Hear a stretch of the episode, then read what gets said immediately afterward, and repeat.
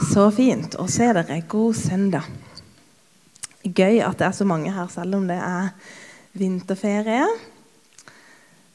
Hele gjengen skal kanskje rett opp på fjellet etterpå. Men fint å se dere. Eh, I høst så har vi fokusert på tematikken nærmere i østsida. Eh, og vi har vært innom den på mange ulike måter. Vi hadde akkurat en helg eh, der vi kom nær Gud og nær hverandre en hel helg og fokuserte på Den hellige ånd og på nådegavene. Og nå har vi lyst til å liksom, i vår ta den tematikken litt videre. Eh, og kaller liksom våren 'gi det videre'. Og egentlig så er det jo eh, litt det som står i det dobbelte kjærlighetsbudet. Eh, der står det du skal elske Herren din Gud av hele ditt hjerte og hele din sjel og all din forstand. Dette er det største og første budet. Men det andre er like stort. Du skal elske din neste som deg selv. På disse to budene hviler hele loven og profetene. Så vi har jo på en måte først egentlig oi, fokusert på vår relasjon til Gud og det å elske Gud. Og så går vi litt videre og fokuserer mer på eh, det å elske andre mennesker. Eller elske hverandre. Jeg vet ikke med deg, men når jeg hører ordene 'gi det videre', så kan jeg veldig fort kjenne på en slags sånn utilstrekkelighet. Det er akkurat som at jeg forbinder de ordene nesten med noe jeg ikke får helt til. Eh, for akkurat hva er det egentlig jeg skal gi videre? Og til hvem? Eh, og har jeg noe å gi videre til noen? Er det ikke heller noen andre vise og modne kristne som burde gi det de har, videre til meg? Jeg kan synes det er veldig vanskelig å få tak på hva det egentlig konkret betyr for meg. Eh, og hvis jeg gjør det til en viss grad, så syns jeg i hvert fall det er vanskelig eh, hvordan jeg gjør det i praksis. Jeg vet ikke om du kjenner på noe av det samme. Så jeg tenker at vi skal grave litt ned i det eh, sammen. Vi tar utgangspunkt i misjonsbefalinga. Eh, for Kirka eller Det kristne fellesskapet har jo fått et oppdrag Gå derfor og gjør alle folkeslag til disipler. Døp dem til Faderens og Sønnens og Den hellige ånds navn, og lær dem å holde alt jeg har befalt dere. Og se, jeg er med dere alle dager inntil verdens ende. Når Jesus ga oss misjonsbefalinga, så eh, snakka han ikke bare til disiplene. Han snakka ikke bare til pastorene eller menighetslederne og han snakka ikke bare til de som følte seg sånn eller sånn, eller til de som ikke syntes dette her var noe som helst utfordrende. Han snakka til alle, til hver eneste etterfølger av han. Vi er alle kalt til å gjøre disipler. Og så føler vi oss kanskje ikke i nærheten av å være der. Og kanskje kjenner vi ikke på en sånn veldig stor nød eh, for mennesker heller. Eh, noen gjør kanskje det mer enn andre, men jeg tror vi alle kan kjenne på en sånn nød og omsorg for de nære vi har rundt. Eh, men går man litt lenger ut i omgangskretsen eller til folk vi ikke kjenner, så kjenner vi kanskje ikke på det samme. Eh, vi er bare mennesker. Og jeg tror det er naturlig at vi oss sjøl ikke klarer å kjenne på den samme eh, nøden og omsorgen som Gud har for andre mennesker. Vi lever i en syndig verden. Vi er litt egoistiske alle sammen. Vi er opptatt av oss sjøl og vårt og våre. Eh, så vi har det på en måte ikke i oss helt naturlig. Eh, noen kanskje mer enn andre. Noen er litt mer sånn evangelister og kjenner veldig på den nøden. Og andre gjør det ikke. Så kanskje vi må snu litt på det. Kanskje vi må se at det, dette egentlig handler om vår kjærlighet til Jesus og vår lydighet til Han. Vi skal se på samtalen mellom Jesus og Peter i Johannes 21. Simon, sønn av Johannes, elsker du meg mer enn disse? Han svarte, Ja, Herre, du vet at jeg har deg kjær. Jesus sier til ham, Fø lammene mine. Igjen for annen gang sier han, Simon, sønn av Johannes, elsker du meg? Ja, Herre, du vet at jeg har deg kjær, svarte Peter. Jesus sier, Vær gjeter for sauene mine. Så sier han for tredje gang, Simon, sønn av Johannes, har du meg kjær? Peter ble bedrøvet over at Jesus for tredje gang spurte om han hadde han kjær. Og han sa, 'Herre, du vet alt. Du vet at jeg har deg kjær.' Jesus sier til ham, 'Fø sauene mine'. Jesus sier her til Peter at hvis han elsker ham, så må han være gjeter for å fø sauene sine. At hvis Peter virkelig mener at han bryr seg om Jesus, så må han bry seg om de Jesus bryr seg om. Jeg jeg mista pappaen min til kreft for tre og et halvt år siden. Og både i forkant og etterkant av det så opplevde vi, mye, vi som familie mye omsorg fra folk. Både fra folk som eh, eh, oss nær, men også fra folk som vi egentlig ikke kjente, men som kjente pappa. Eh, Bl.a. et ektepar som lagde middag til oss eh, flere ganger i uka. Eh, kjempelenge fra pappa var syk og til lenge etter han døde. Eh, kom de med middag igjen og igjen og igjen. Eh, eh, og en annen kollega av pappa som var og hjalp med veldig mange praktiske ting. Og, og malte gjerder og klippa hekk og jeg vet ikke hva. Som egentlig ikke vi kjente. Eh, men fordi de kjente pappa, og han betydde noe for dem, eh, så eh, tok de vare på de pappa elska. så tok de vare på hans flokk. Og jeg tror Jesus på en måte kan spørre oss litt det samme spørsmålet som han spurte Peter. Elsker du meg så høyt, Silje, at eh, du vil gjete mine sauer? Elsker du meg så høyt, Silje, at du vil leite etter de bortkomne sauene mine? Og Kanskje kjenner, jeg trenger jeg ikke i meg sjøl å kjenne på en voldsom omsorg og nød for alle de jeg ikke kjenner. Jeg trenger bare å kunne svare ja på det spørsmålet. Ja, Jesus, jeg elsker deg så høyt at jeg vil være med og ta vare på flokken din. Men hva så, da? Hva gjør vi? Eh, hvor skal vi begynne? Når Jesus kalte de tolv disiplene, så sa han til dem, 'Følg meg, så vil jeg gjøre dere til menneskefiskere.' Og I det så ligger det egentlig en slags oppskrift. Følg meg, så vil jeg gjøre dere til menneskefiskere. Og Det er egentlig kjernen i hva det vil si å leve som disipler. Det er egentlig kjernen i hva det handler om å være kristen, og det Gud kaller oss til å gjøre. For Gud sender oss ikke ut i dette store oppdraget alene. Han ber oss om å følge Han, og så vil Han gjøre oss eh, til menneskefiskere. Så vil Han gjøre at vi skaper flere disipler. Så hvis vi skal leve etter misjonsbefalinga, så må vi begynne med det Jesus sa først. Kom, følg meg. Vi må følge etter Jesus, akkurat sånn som disiplene gjorde. Eh, vi må leve tett på han, vi må bruke tid med han, vi må søke han, lengte etter mer av han. Omringe oss med mennesker som leder oss nærmere han. Eh, ja, la Ånden få lov til å fylle oss og virke oss, sånn at eh, Åndens frukt blir tydeligere i oss. Eh, da tror jeg òg vi, vi, vil få kjenne på mer av Guds nød og omsorg for mennesker jo mer tid vi bruker med Han. Men første steg er altså å følge etter Jesus, være sammen med Han og la hans egenskaper og eh, den han er, få lov til å prege oss og påvirke oss. Eh, og så sier Jesus òg så vil jeg gjøre dere til menneskefiskere.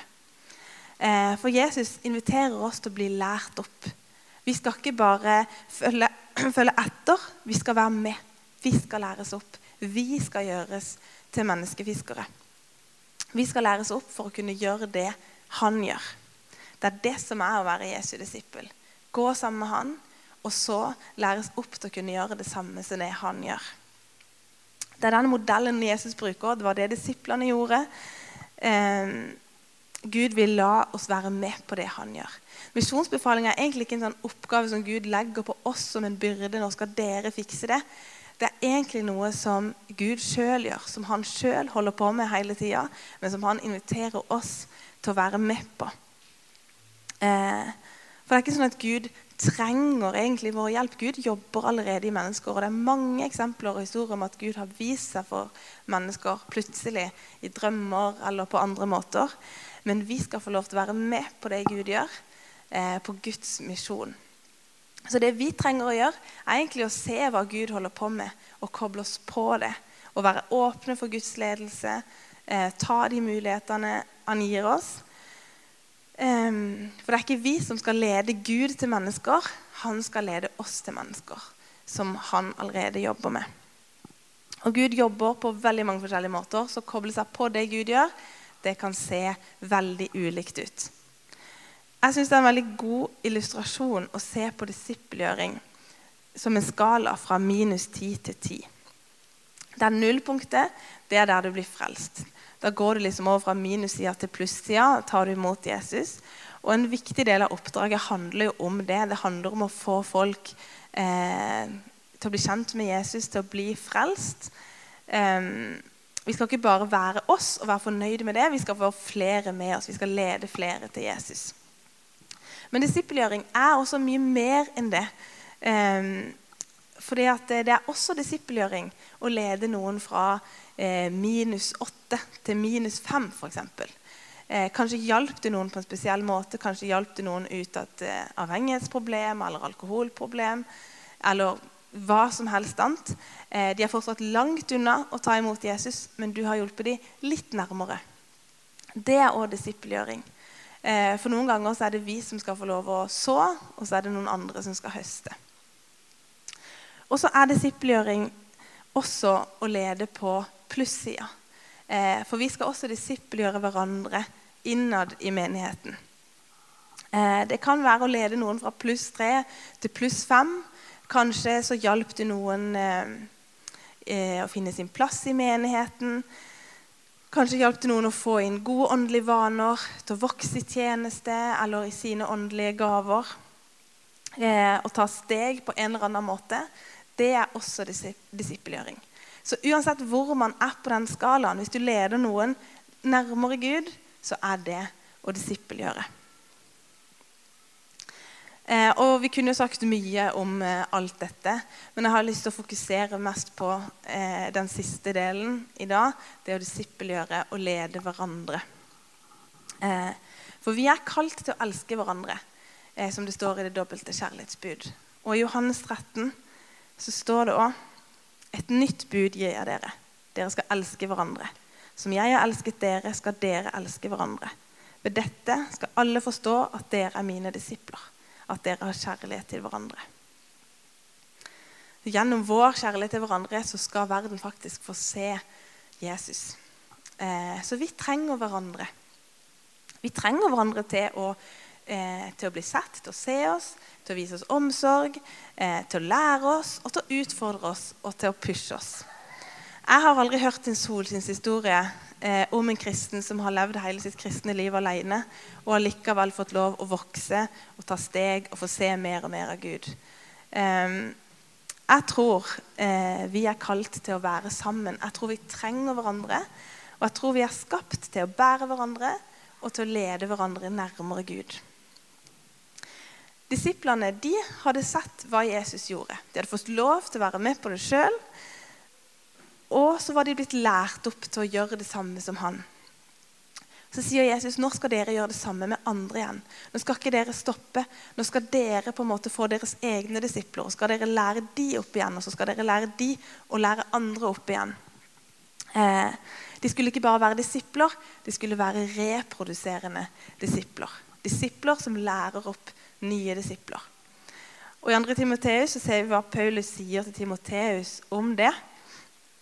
Det du har hørt av meg i mange vitners nærvær, skal du gi videre til pålitelige mennesker som er i stand til å undervise andre. Og Her snakker egentlig Paulus om å reprodusere disipler i fire ledd. Først har vi Paulus sjøl. Han instruerer Timoteus, som skal gi det videre til pålitelige mennesker, som igjen er i stand til å undervise andre. Eh, det å disippelgjøre det handler ikke bare det handler om det også, men det handler ikke bare om å finne mennesker som skal løse, hjelpe oss å løse noen oppgaver. Eh, det er ikke bare å forberede mennesker til å erstatte oss. Derfor så er ordet lærling egentlig veldig fint, for det legger opp til noe mer. En lærling er ikke bare en nestleder eller en assistent.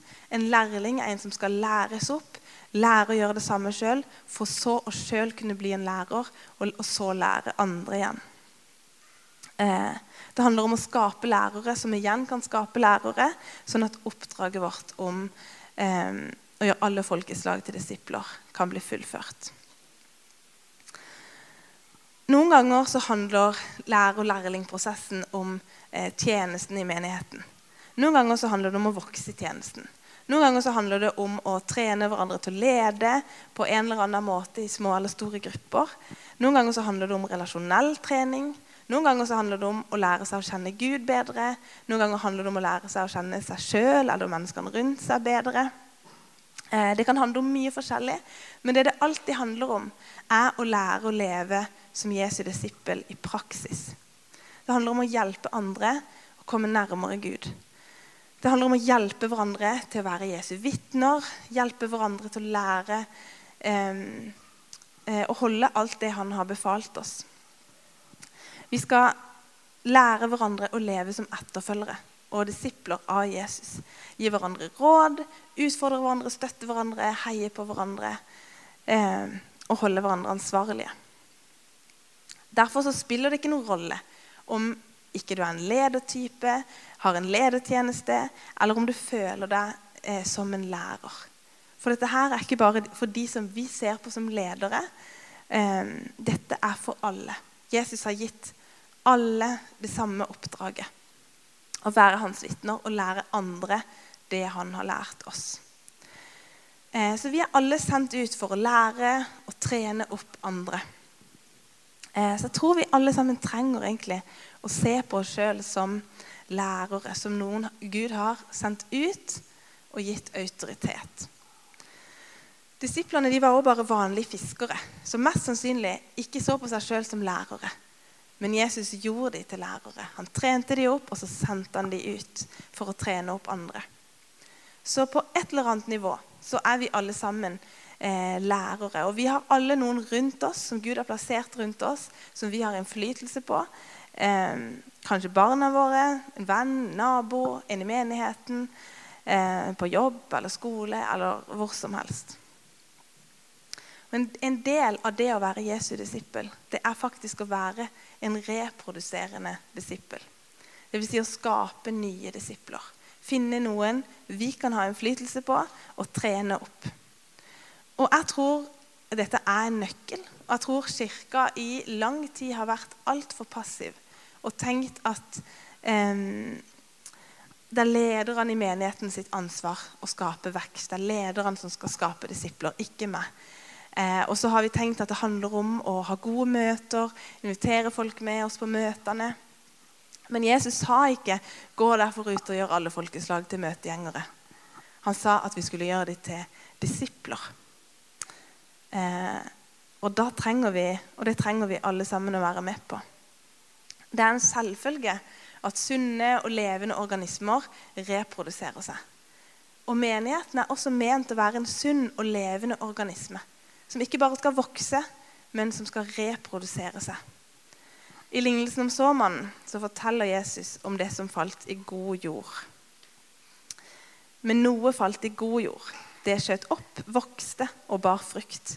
30, 60, ja 100 ganger det som ble sådd. Såkornet som falt i god jord, det ga en eh, avling som reproduserte seg. 30, 60, 100 ganger så mye som ble sådd. Menigheten er ment til å reprodusere seg. Vi er ment til å reprodusere. Men åssen gjør vi det, da? Åssen disippelgjør vi hverandre? Det finnes et enkelt prinsipp eller en enkel oppskrift eh, som vi kan bruke når det gjelder å utvikle lærlinger. Fem grunnleggende trinn. Eh, jeg gjør, du ser på. Jeg gjør, du hjelper til. Du gjør, jeg hjelper til. Du gjør, jeg ser på. Og du gjør, og noen andre ser på. Begynner man på en måte på nytt igjen på det femte trinnet. Og Disse trinnene her er jo veldig grunnleggende, og mange av dere har sikkert hørt de før. Men de er ganske viktige, for hvis vi følger de, så kan vi faktisk skape nye disipler. Eh, og det kan gjøre gjøres i alle mulige settinger, på alle mulige nivåer. Eh, det kan handle om tjenesten eh, i en smågruppe, om én-til-én-samtaler. I alle mulige slags sammenhenger. Og både med barn og ungdom eh, og voksne i alle aldre. Eh, det mest naturlige for mange, og kanskje det enkleste stedet, men også kanskje det viktigste stedet å starte, eh, det er med barn eller med noen som er yngre enn oss.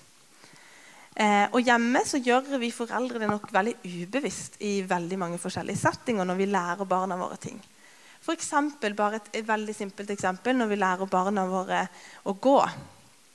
Eh, jeg vet jo at eh, Hvis jeg skal komme meg fra A til B, så kan jo jeg bare gå fra A til B eh, så enkelt som mulig. Fort og greit uten noen hindringer. Men før dattera mi kunne gå, så ville jo jeg at hun også skulle lære seg å gå.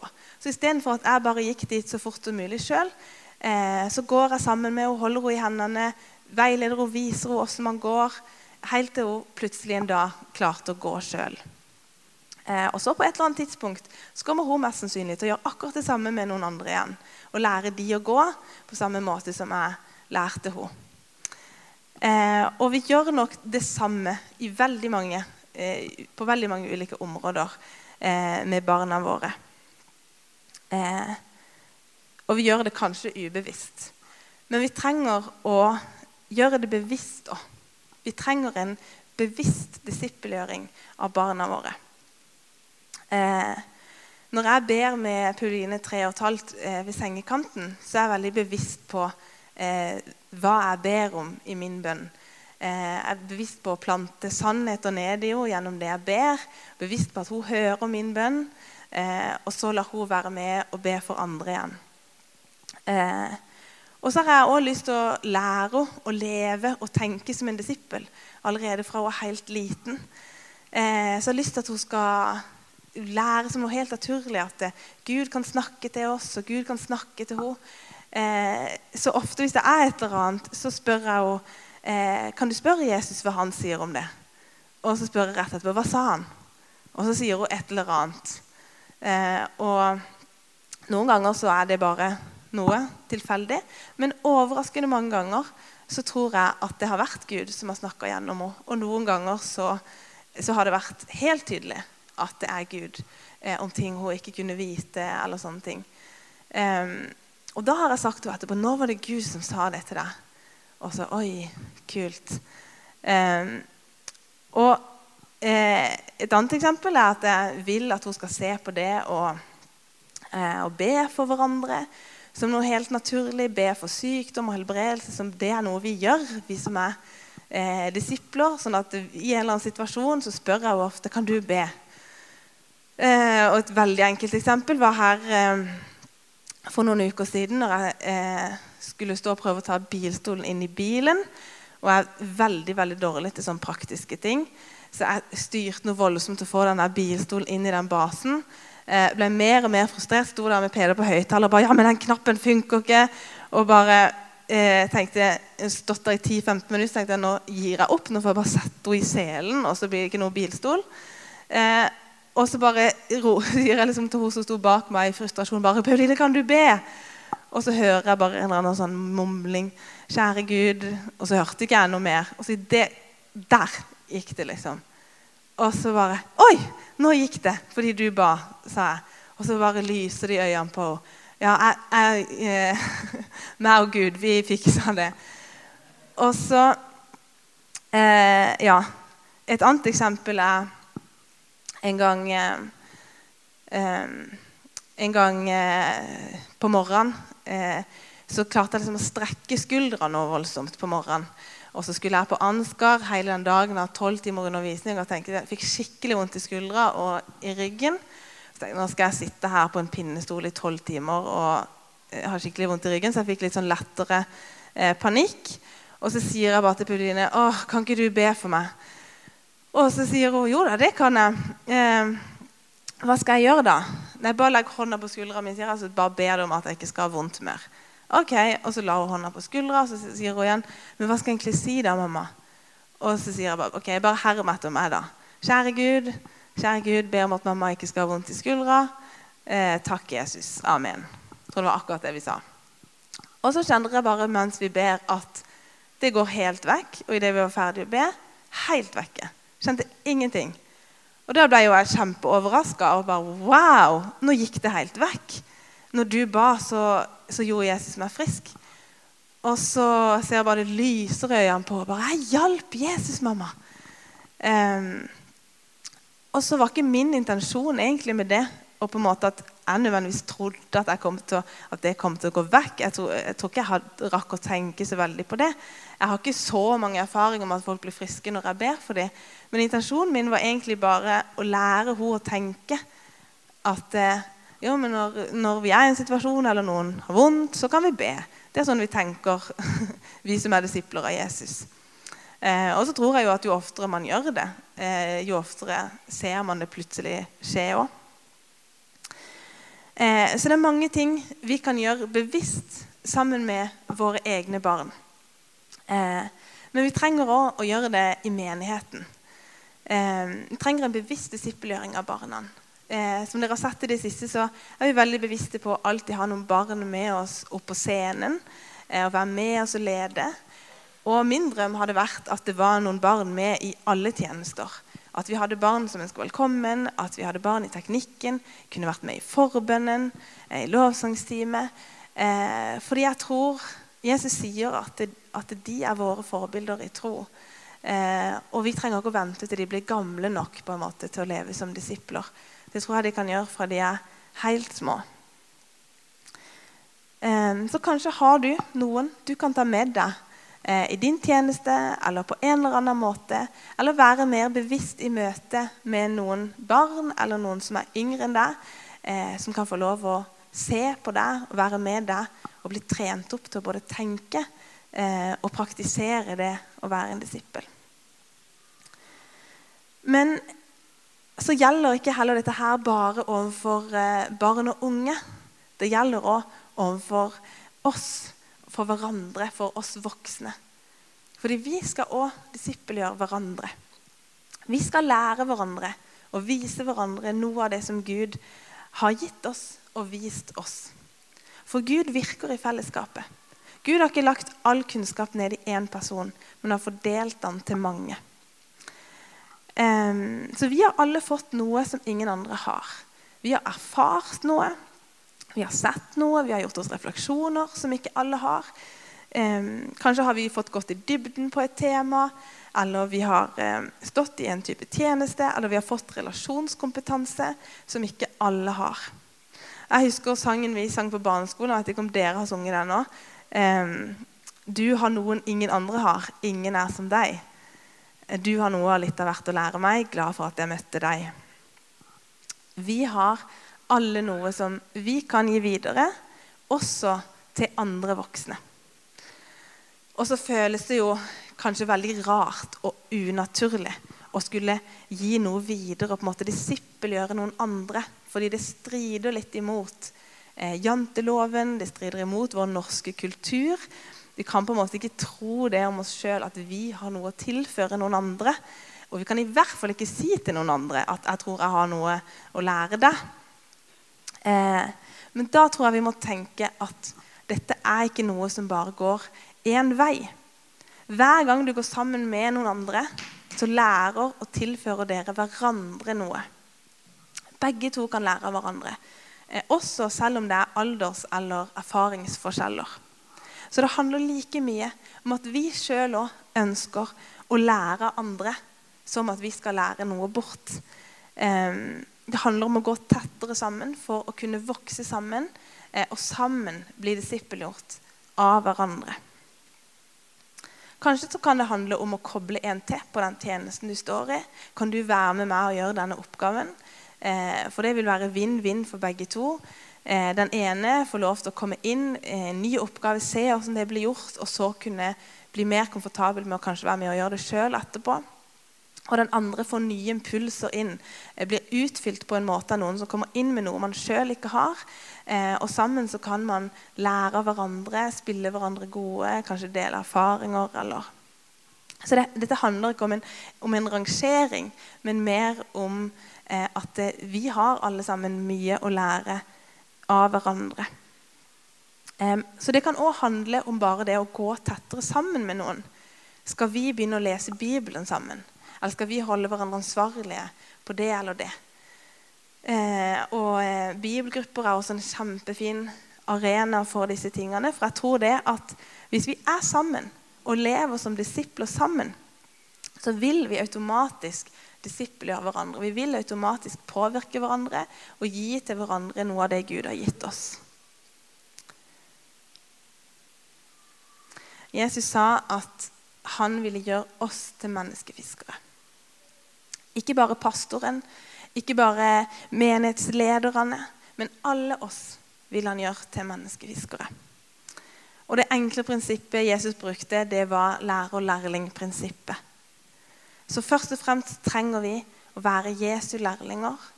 Og så trenger vi å lære opp andre til å være Jesu lærlinger, som kan lære opp andre igjen. Og så trenger vi å gjensidig disippelgjøre hverandre i fellesskapet. Prøv å tenke hvordan det ville sett ut hvis alle kristne hadde levd ut dette. Hvis alle kristne tok misjonsbefalinga på alvor og levde etter den. Hvis alle kristne var smitta av noe av Guds nød og kjærlighet for mennesker. Hvis alle kristne eh, hadde noen andre man gikk sammen med og hjalp å vokse. Hvis alle kristne var påkobla Guds misjon og var med på det han gjorde. Om så hver enkelt kristen bare fokuserte på én person, hvordan tror dere det ville sett ut? Jeg tror vi ville sett mye mer av Gud. Jeg tror vi ville sett mye mer at Gud virka inn i folks liv. Jeg tror eh, vi ville sett nye komme til tro. Jeg tror vi ville sett folk få ta på seg for store sko igjen og igjen og få lov til å vokse i erfaring og modenhet. Um, for hvis hver person har fokus på disippelgjøre bare én person, og, de, og den igjen får det samme fokuset osv., så, videre, så multipliserer det seg veldig raskt opp. Og jeg tror det er sånn Gud jobber. Fra enkeltmennesker til enkeltmennesker. Han begynte med disiplene, og så eh, gikk det siden da fra den ene til den andre. Det er dette her vi er kalt til å være med på. Men kanskje så trenger vi på en måte eh, å si ja til Jesus på nytt i dag. Si ja på spørsmålet om du elsker Jesus så høyt at du vil ta deg av flokken hans. At du vil være med og leite etter hans sauer som er kommet bort. At du vil være med på det Gud gjør i og for mennesker. At du vil ta misjonsbefalinga eller oppdraget på alvor. Vil du det? Og i så fall eh, hva har Gud gitt deg? Og hvem har du rundt deg som du kan gå sammen med eh, og være med og gi noe videre til. Vi skal be sammen. Kjære Gud, jeg takker deg for at eh, vi ikke er sauer uten hyrde. Takker deg for at vi får lov til å komme til deg, følge etter deg, lære av deg. Takker deg for at dette ikke er noe som vi skal gjøre alene, eller eh, som vi trenger å bli motløse av, eller som trenger å gjøre at vi kjenner oss utilstrekkelige. Ber Jesus om at det, eh, du heller skal gi oss en gnist og en motivasjon og lyst fordi vi elsker deg, Jesus. Så har vi lyst til at flere skal få se deg. Og vi har lyst til, at, eh, vi har lyst til å ta vare på de som du bryr deg om. Hjelp oss, Jesus, til å ha noen rundt oss som vi er bevisste på, eh, og som vi bruker tida med. Som vi er bevisste på eh, hva vi kan gi videre til, og hva vi kan lære av dem. Jeg ber om at dette her ikke bare skal bli ord eh, som føles langt der oppe og gjør oss motløse, men at det skal bli noe som kan føre til endring i våre liv, Jesus ber om at du skal virke, til, virke, i hver enkelt nå. At du skal tale til oss og vise oss hva det betyr konkret i vårt liv. Hvordan du konkret kan bruke oss til en bevisst reprodusering av nye disipler framover.